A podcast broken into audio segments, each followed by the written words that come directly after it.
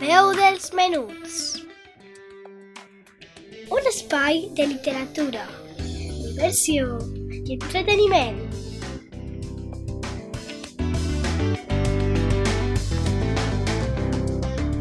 Amb Laia Esteve.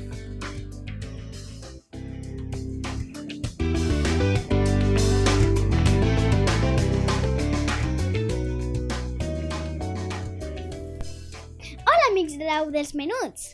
Un dissabte més estic així per explicar-vos alguna coseta que vos podria agradar. Avui, com ja ha passat Nadal, pues vull explicar-vos algo relacionat amb l'època. Vaig explicar-vos dues històries. L'origen dels belens i alguna coseta sobre l'arbre de Nadal. Esteu preparats? Comencem! Ara vaig explicar-vos la història de l'origen dels belens. Sembla que el costum de posar un belén en les cases va tenir el seu origen en un miracle que va passar en Umbria, Itàlia, en 1223. Va succeir que San Francisco de Asís, quan va tornar d'un viatge a Palestina, va tenir que passar la nit de Nadal en un bosc d'aquella regió. Per a passar la nit, San Francisco i els seus companys eh, van entrar en una cova on van veure un pessebre, un buey i una mula.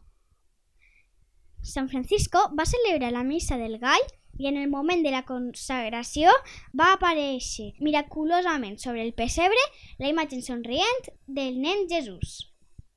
Aquest va ser l'origen del Belén, però d'aquestes representacions amb personatges reals s'ha passat després a les figuretes de materials diversos, escaiola, fusta tallada, suro, paper maché, etc. Els diferents països europeus han adaptat també el Belén a l'ambient i als costums nacionals. En Holanda encontrem els molins de vent, en Finlàndia, rens.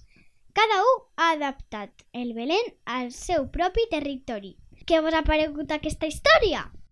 Ara anem amb una altra història que se diu l'arbre de les meravelles. És molt bonic preparar l'arbre de Nadal. Elegir amb cura com col·locar totes les boletes tan delicades, les cintes i les llums.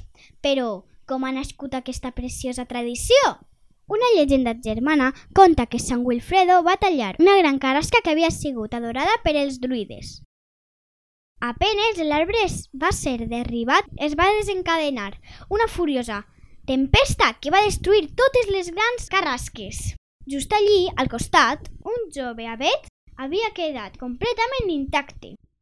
Des d'aquell moment, Wilfredo va veure eixe arbre com símbol del naixement de Crist i va anomenar a l'avet arbre de la pau, perquè la seva fusta és molt útil per a les cases dels homes i també un símbol de la vida infinita, perquè les seues fulles estan sempre verdes. El costum d'il·luminar i adornar l'arbre de Nadal és molt antigua i va néixer a Alemanya.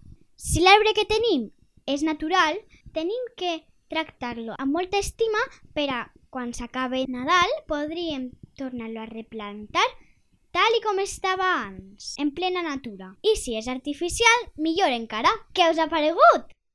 Aquí s'acaba el programa d'avui. Vos espere la setmana que ve amb més informació, contes, literatura i moltes coses més. Moltes gràcies per escoltar-me.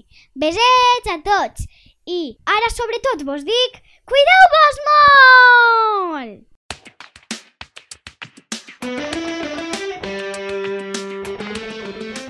La veu dels menuts.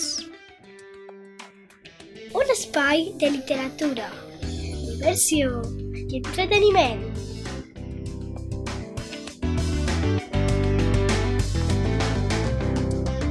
Amb Laia Esteve.